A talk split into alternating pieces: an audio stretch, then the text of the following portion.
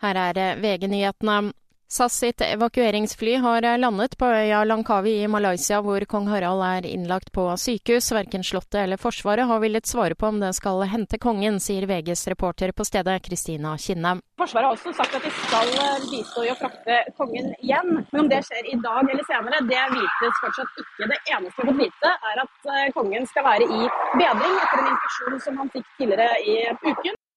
En kvinne døde etter en trafikkulykke i Eidsfoss i Holmestrand på onsdag. Politiet opplyser til Drammens Tidende at pårørende er varslet. Kvinnen ble fraktet i luftambulanse til Ullevål sykehus etter å ha sittet fastklemt etter ulykken. Verdens befolkning blir stadig tykkere. Fedme blant voksne har mer enn doblet seg på verdensbasis siden 1990. Blant barn og unge er forekomsten firedoblet, viser en ny studie utgitt av det britiske medisinske tidsskriftet Lancet.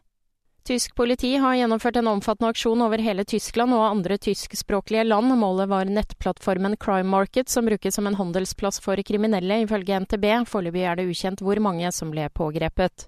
I studio, Kristin Strand, nyhetene får du alltid på VG.